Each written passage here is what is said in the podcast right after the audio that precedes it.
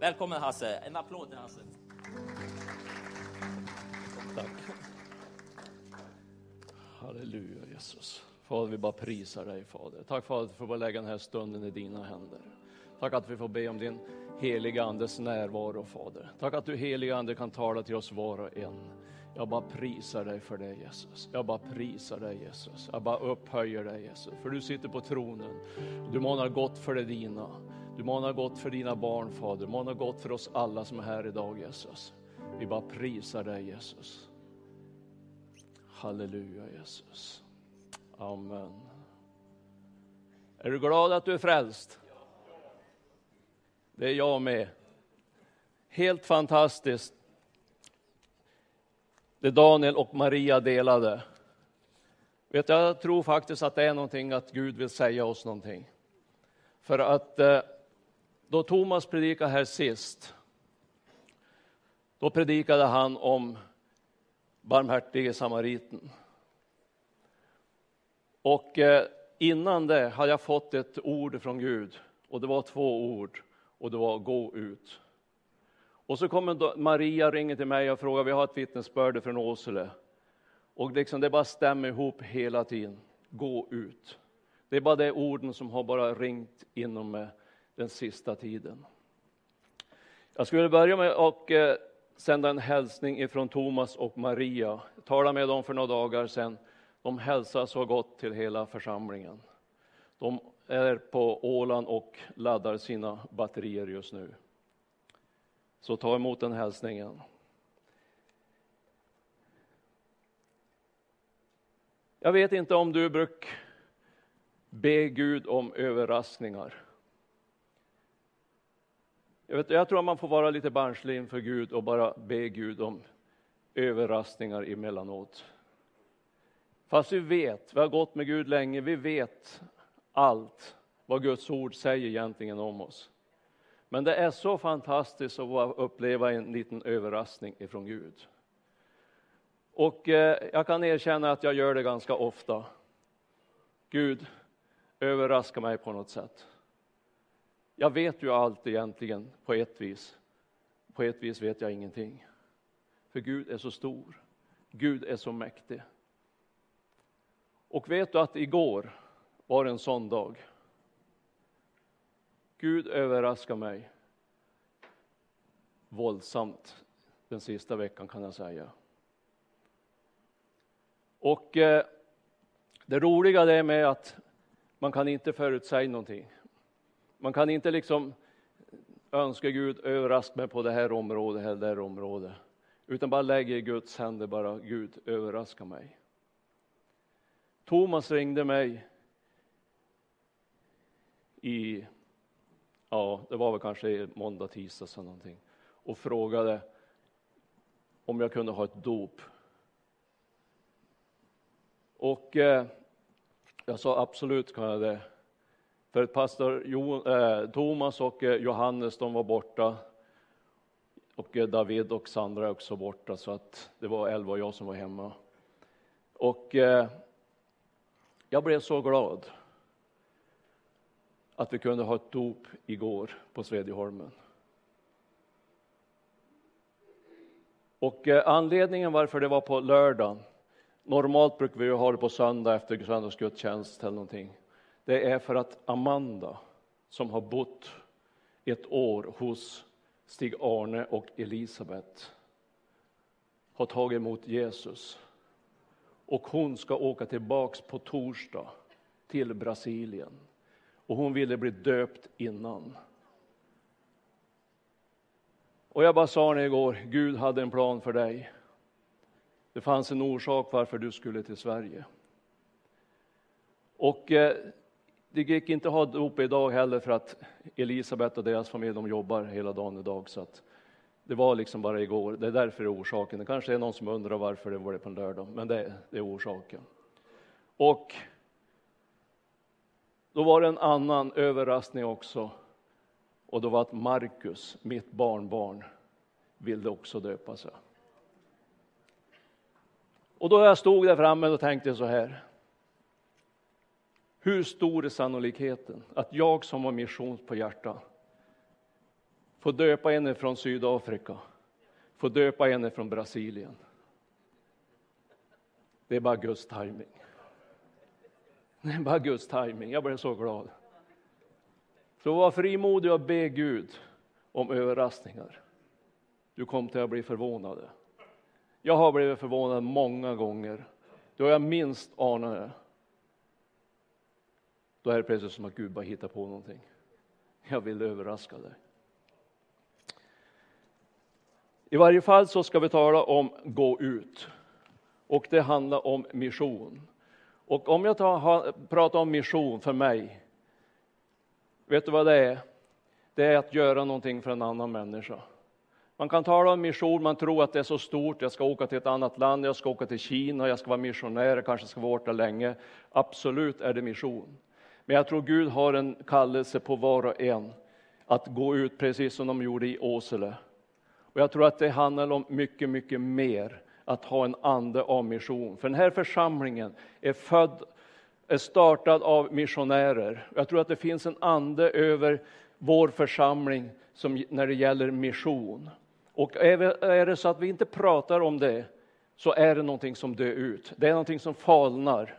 Allt som du inte lyfter, det dalar på något sätt. Så att vi ska prata om mission mycket. Vi ska andas mission. Vi ska ha mission för våra ögon. Även om det gäller din granne eller om det gäller bort i Kina, Det spelar ingen roll. För det står i, eh, i eh, Matteus 28, 18, gå ut. Det är jättelätt att gå ut, det är bara att öppna dörren, då är du ute. Då har du folk utanför dig som du kan betjäna. Vi gör det så krångligt ibland.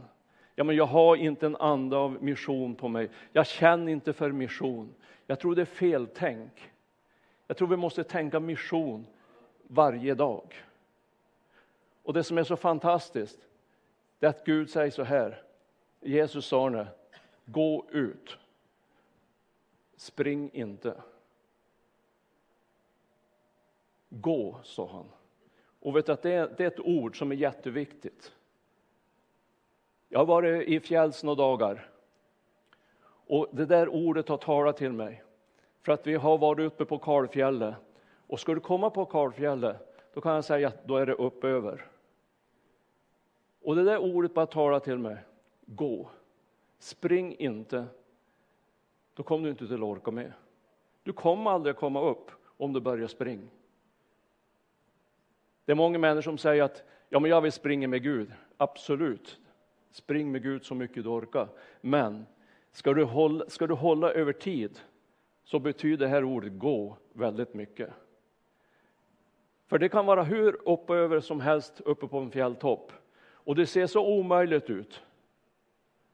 Men bara du går steg för steg så kommer du fram. Och det är det Gud säger, gå ut. Och då är det inte bara för idag, imorgon, nej, det är hela livet. Du måste gå med Gud hela livet. Det står på många ställen i Bibeln om att vi ska gå. Det står vandra i anden. Spring inte i anden. Ta det lugnt så orkar du hela vägen. Jag tror det där är jätteviktigt. För Gud vill att vi ska gå med honom stark hela vägen. Mission, vad är det för någonting? Det är ett uppdrag. Och jag tror att det är en kallelse på varje kristen, på varje troende. Det är så lätt att tänka, ja, det, han är missionär och han är missionär, men vad är jag för någonting? Du är också en missionär. För att vi ska läsa ett bibelord ifrån Matteus 25 och 40. Och det är ganska allvarligt ord egentligen om man läser det ordagrant. Och det är det vi ska göra.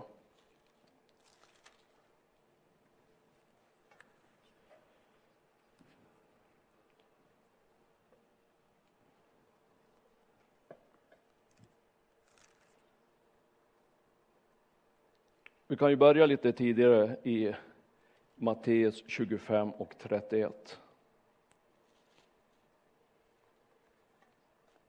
Och jag som är född och uppväxt på landet, jag tänker på fåren och getterna. Vad är jag egentligen för någonting? För det står så här. När Människosonen kommer i sin härlighet åt alla änglar med honom, då ska han sätta sig på sin härlighetstron och alla folk ska samlas inför honom och han ska skilja dem från varandra som en herde skiljer fåren från getterna. Och fåren ska han ställa på sin högra sida och getterna på den vänstra. Då skall konungen säga till dem som står på hans högra sida, kom ni mina faders välsignade och ta till besittning det rike som stått färdigt åt er från världens begynnelse. Ty jag var hungrig och ni gav mig att äta. Jag var törstig och ni gav mig att dricka. Jag var främling och ni tog emot mig. Jag var naken och ni klädde mig. Jag var sjuk och ni besökte mig. Jag var i fängelse och ni kom till mig. Då skall det rättfärdiga svara honom, Herre, när såg vi dig hungrig och gav dig att äta, eller törstig och gav dig att dricka? Och när såg vi dig vara främling och tog emot dig, eller naken och klädde dig? Och när såg vi dig sjuk eller i fängelse och kom till dig? Då ska konungen svara dem, Amen säger er, allt vad ni har gjort för en av dessa mina minsta bröder, det har ni gjort mot mig. Det här bibelordet har talat till mig jättemycket. Det är ganska allvarligt. Tänkte så här, i vilken folla vill jag vara? Vill jag vara i fållan där getterna är eller vill jag vara i fållan där fåren är? Det är ett val som du och jag har.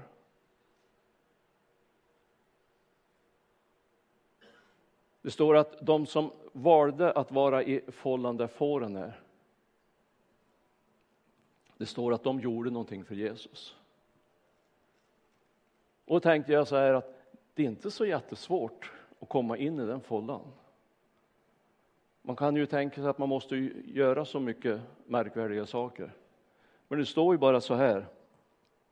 Jag var törstig och ni gav mig att dricka. Det är ju inget svårt att släcka törsten på någon. Det är ju jätteenkelt. Jag var främling och tog emot mig. Du kan ju bli kompis med en invandrare. Jag var naken och klädde mig. Jag var sjuk och ni besökte mig. Vet du, det är inte stora krav på du och jag att vara en missionär. Det handlar om att göra någonting för en annan. Och jag tror att det där är någonting som vi måste lyfta i vår församling. Vi måste lyfta den i kristenheten. Att det är de små sakerna har jättestor betydelse.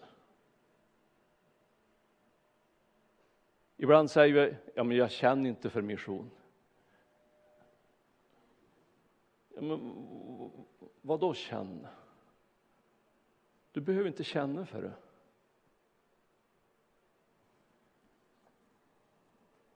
Det är bara att göra det Gud säger. Det är jätteenkelt.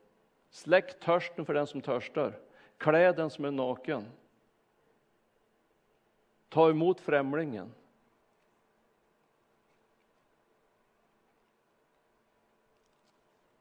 Då är du i rätt fålla. Då är du bland fåren. Då är du inte bland getterna som en symboliskt för Gud.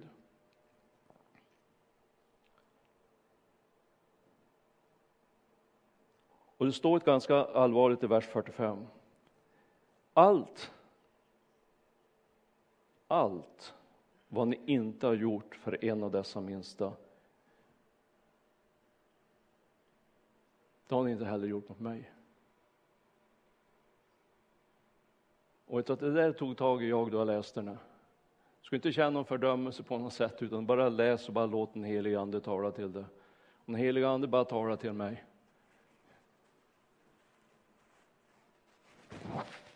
Olika saker som du har velat att jag skulle ha gjort, som jag inte har gjort. Och det började komma upp saker och ting. Jag bara kände, Gud förlåt mig. Gud förlåt mig. Och då slog jag upp Jeremia 31 och 3. Med evig kärlek har jag älskat dig. Därför förbliver min nåd över dig. Tack gode Gud för din nåd. Nåd betyder förlåtelse. Nåd betyder upptagen till gemenskap med Gud.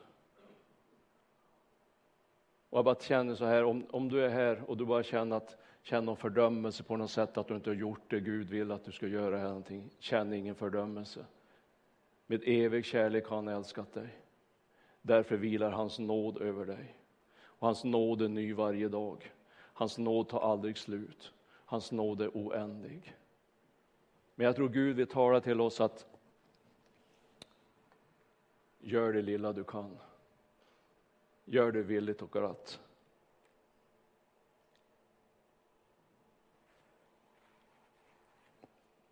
Jag ska läsa Galaterbrevet 5 också.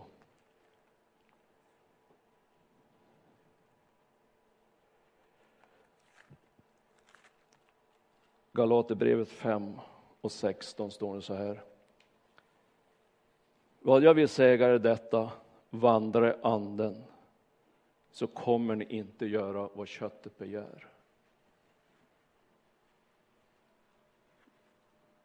Vandra i anden kommer ni inte göra vad köttet begär. Vet du att vandra i anden, det måste man göra själv. Det kan man liksom inte leja bort till någon. Kan du gå den här vägen för mig? Kan du vandra i anden för mig? Det kan man inte. Vandra i anden, det är någonting personligt. Det är någonting du måste göra. Kom att tänka, hur gör jag det? Hur är jag i anden? Kan jag vara i anden jämt?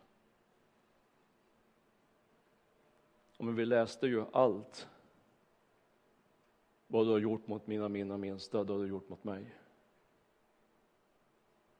Och resultatet av att vandra i anden, det står i vers 22.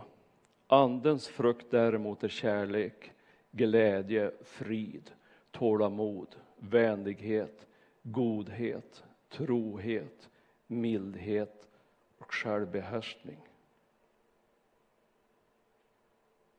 Om vi har fått liv genom anden, låt oss då även följa anden. Låt oss inte söka tom ära, inte utmana varandra och inte avundas varandra. Det är resultatet av att vandra i anden. Då är det kärlek som kommer ut. Då är det tålamod som kommer ut. Och det är det Gud vill vi ska göra. Vandra i anden har jag skrivit det. Det stavas prioritera. Att leva nära Jesus. Att ha Jesus som sin förebild. Att vara i Guds ord. Att klä den, den som är, är naken. Ge vatten till den som är törstig Bry dig om din broder, din syster. Med andra ord, gå ut. Sitt inte stilla. Det står ingenstans i Bibeln. Fixa en skön stol så kan du sitta gott och bara njuta av att vara frälst. Det står aldrig. Det står gå. Gå och vet att det bästa utav allt, därför att Gud vet hur vi fungerar som. Och det är att vi mår gott av att göra någonting för en annan. Jag hörde en pastor som sa så här. Det var en kvinna som begärde ett, begärde ett eh, själavårdssamtal. Och hon var så nere och det var så jobbigt och det var så besvärligt på alla sätt. Och den här pastorn satt länge tyst och han visste egentligen inte vad han skulle säga till henne. Men då sa han så här. Jag tycker du ska gå hem. Jag tycker du ska baka en sockerkaka. Och så ska du gå in till din granne. Och så ses vi på två veckor igen. Hon lydde rådet och gjorde det. Pastorn hörde inte ett ord av henne på en månad. Så han tänkte, vad har hänt? Jag måste ringa upp och fråga vad som hänt. Och då sa hon så här, jag gjorde som du sa. Och nu har jag inte tid med någonting annat än bara baka sockerkakor. Jag har inte tid med några själavårdssamtal. Vet du att du mår gott av att göra någonting för en annan. Du mår gott av att gå ut som Daniel och Maria. Jag är helt övertygad om jag skulle fråga dem de kom hemifrån Åsele, eller de kom hemifrån, de har varit ute på stan. Var det jobbigt? Var det besvärligt? Nej. Det var bara roligt, vi bara längtar tills nästa gång. Och det är så mission fungerar. Jag åkte ganska många länder. Och varje gång innan jag åker så kan det vara besvärligt. Det kan vara bökigt och det kan vara man vill bara hoppa av. Det här fixar jag inte. Men varje gång jag kom hem så säger jag tack gode Gud för att jag åkte. Jag tror den där känslan tror jag kan finnas bland oss var och en när vi gör någonting för en annan.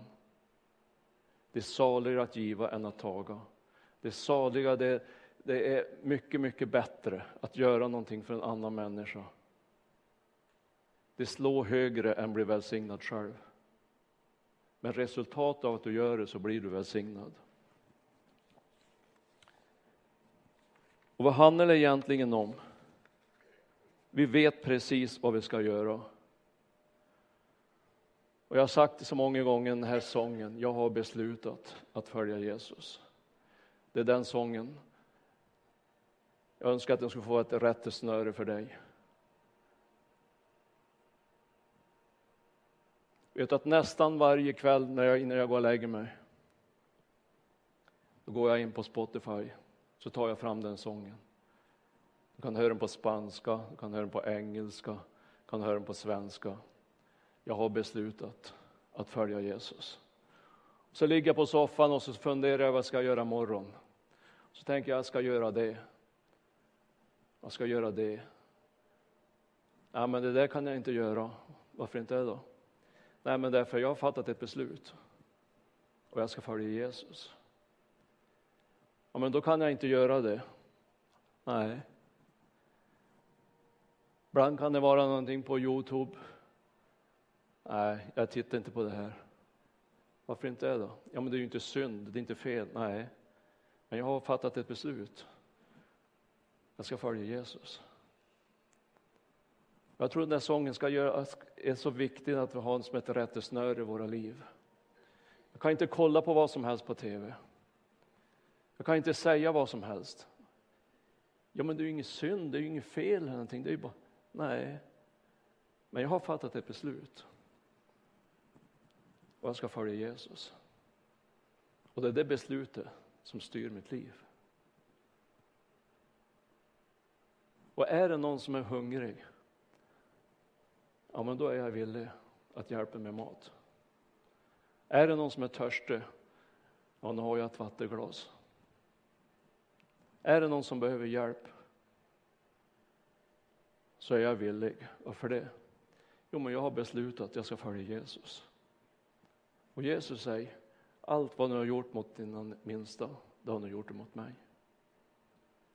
Jag tror det där är ett kvalitativt beslut som vi ska ta allihopa.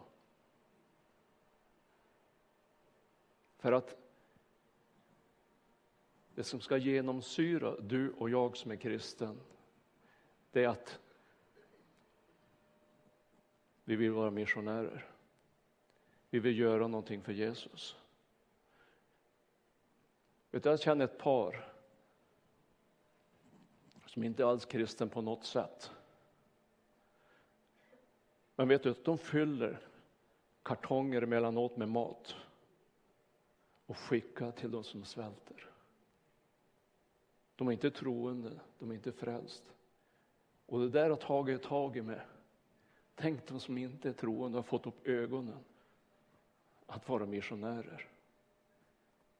Och vi kan sitta på gudstjänst efter gudstjänst. Och så säger vi att nej, men jag känner inte för mission. Ibland så skäms jag liksom. Gode Gud, förlåt oss. Gud, bara hjälp oss att ha en ande av mission över oss varje dag. Inte bara att vi gör en teamresa till Kenya. Du kan få vara med i en teamresa i höst till Kenya. Du kan få vara med i en teamresa till Indien på vårt barnhem i december.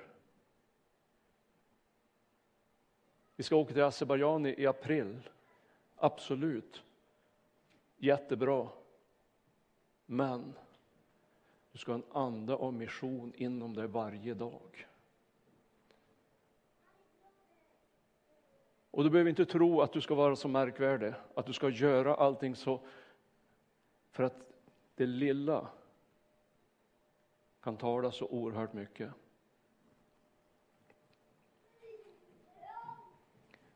Vet du vad det handlar om egentligen, att vara missionär? Det handlar om att vara tillgänglig. Jag ska berätta en, en, en sann story som jag har varit med om. Kanske se på den här rollupsen, se en som i mitten där är lite blek. Den bleke, det är jag. Du ska höra historien om det här. Hur Gud kan leda dig och du kan vara hur enkelt och hur simpelt som helst. För ett antal år sedan så frågade Thomas mig, vill du följa med till Tadzjikistan på bibelskola? Jag på bibelskola till Tadzjikistan, vad har jag där att göra? Men jag har lärt mig en sak under alla år och det är att säg inte nej om du kan säga ja. Och jag hade tillfälle att åka så jag följde med dit. Hade vi bibelskola där, då var det ett par där på den bibelskolan ifrån Turkmenistan som var på bibelskolan, ett ungt par. Och jag fick ett hjärta för dem där. Och Gud började tala till mig. Det där är någonting. Gud kommer att använda dem. Uppmuntra dem, pusha dem, hjälp dem. Så jag var med dem ett antal gånger på bibelskolan. Jag bad för dem, jag pushade på dem och jag bara uppmuntrade dem. När jag kom hit, hem till Sverige så på några underliga krokiga vägar så bara fick jag för mig att jag måste skicka lite euro till dem. Och de har kommit fram dit på, jag måste ha sagt genvägar och krokvägar, jag vet inte hur de kommer dit, men de fick dem i varje fall. Och jag har liksom bara stöttat dem länge.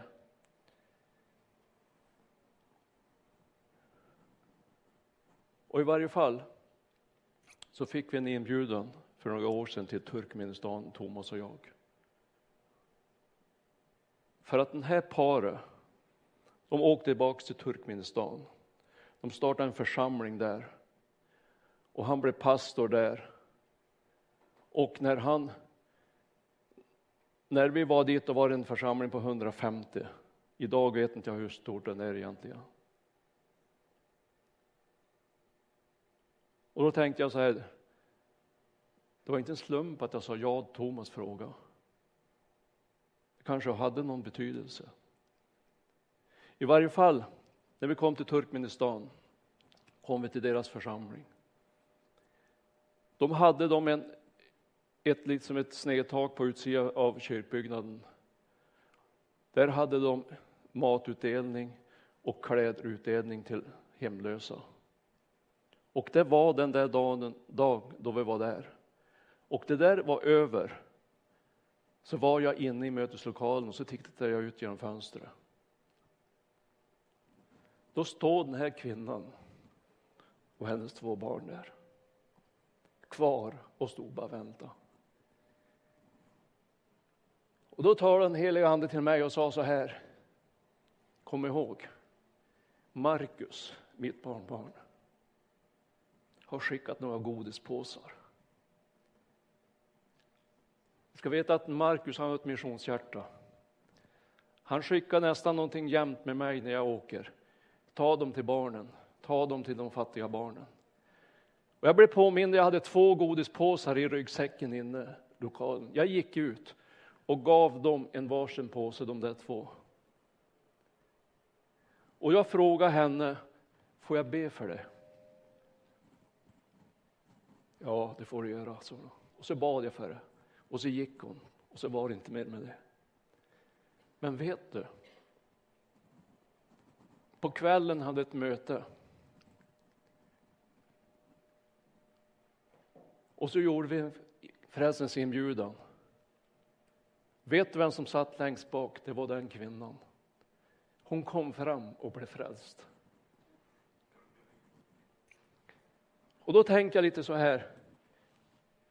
Det är inte så svårt. Marcus skickade två godispåsar. Har jag inte haft dem med mig, kanske inte hon har varit bärgad för himlen. Förringa inte ett vattenglas. Förringa inte det lilla du kan göra för Jesus. Förringa inte att du inte kanske är duktig på predik. Eller du kan göra någonting annat som du tycker att det har något värde för Gud egentligen. Allt, allt står det. Vad ni har gjort för mina, mina minsta, det har ni gjort för mig. Allt vad du har gjort för den här kvinnan, har du gjort för Jesus.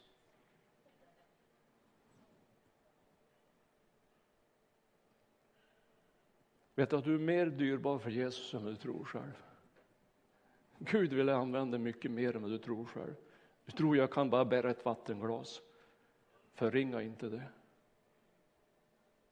Säg inte nej när du kan säga ja. För Gud vill använda dig mycket, mycket mer än vad du vill själv.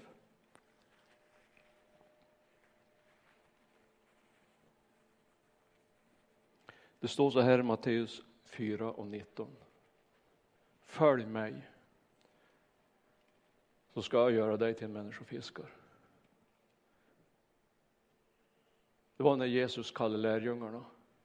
Han frågade inte Petrus och Johannes. Kan, kan du predik? Kan du lägga händerna på sjuka? Kan du be för, sjuk, för de sjuka? Vad kan du göra egentligen Petrus? Petrus han ställde till bara problem. Men Jesus sa, jag ska göra det till människofiskar. Och han säger samma sak till dig idag. Vill du inte vara en människofiskare? Men jag kan inte det och det och det.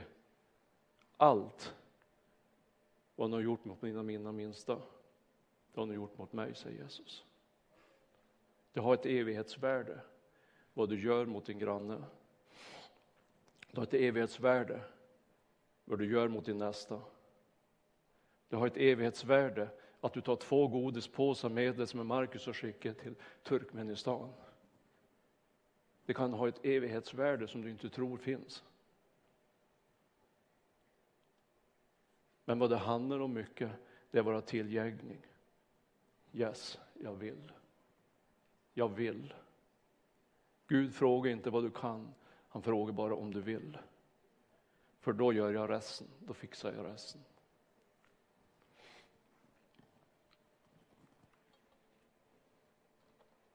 Då i Johannes 15 och 7, jag ska sluta med det bibelordet.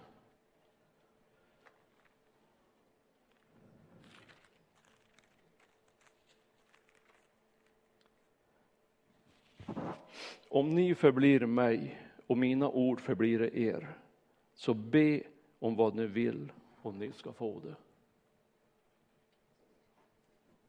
Vad betyder det? Det betyder att om du tror på mina löften, Om du tror på allt det jag har sagt.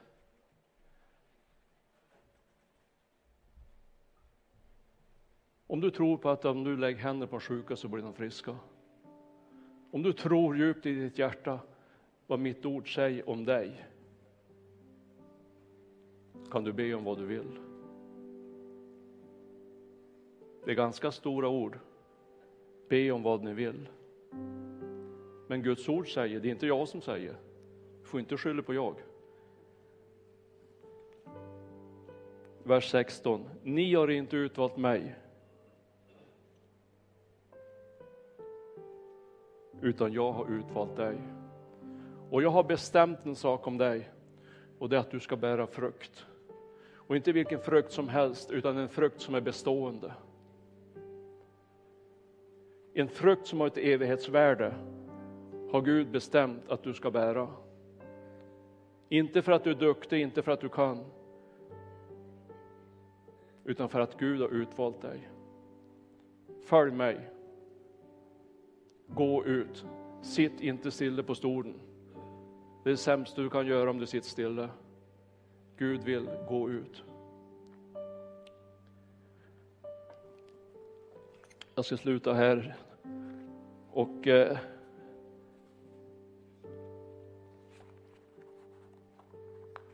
om du är här och du vill ha förbön för någonting så ska vi bara öppna upp och bara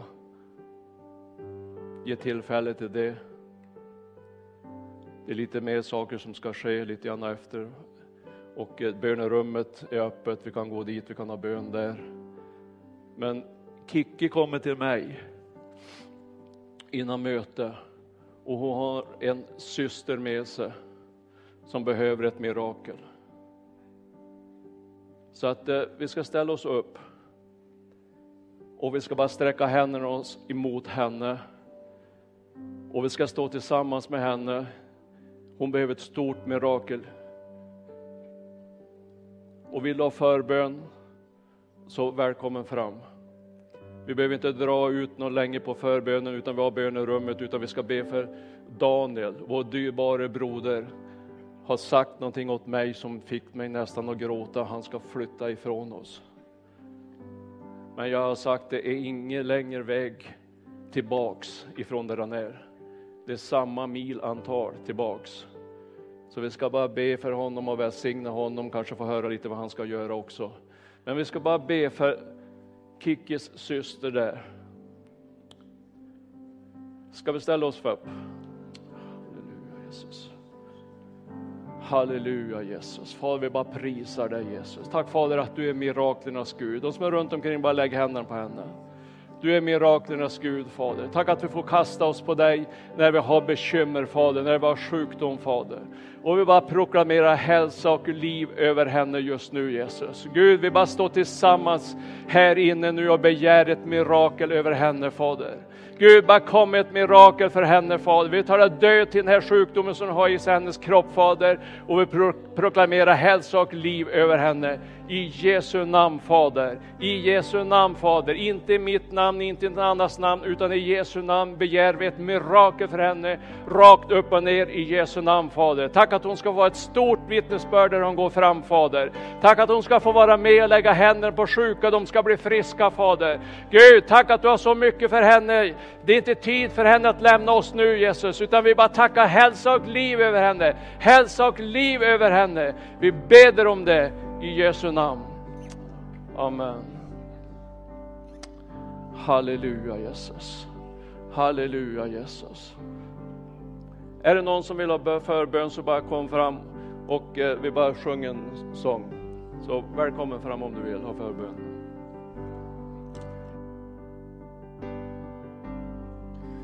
Gud, du är all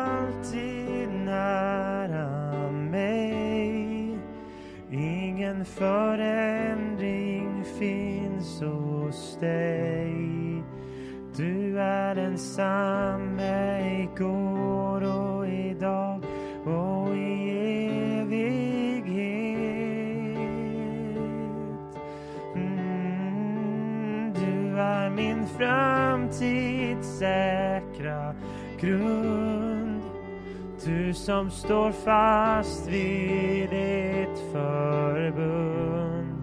Min klippa är du, allsmäktig Gud, jag ärar dig.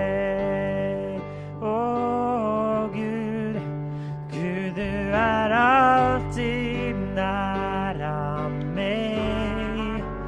Ingen före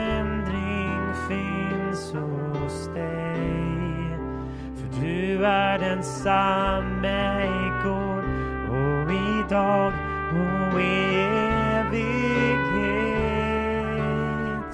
Oh, du är min framtids säkra grund. Du som står fast vid ditt förbund. Min klippa är du,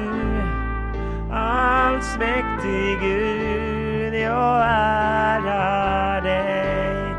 Gud, du är alltid nära mig. Gud, du är alltid nära mig. Ingen förändring finns hos dig. För du är densamme igår och idag och i evighet.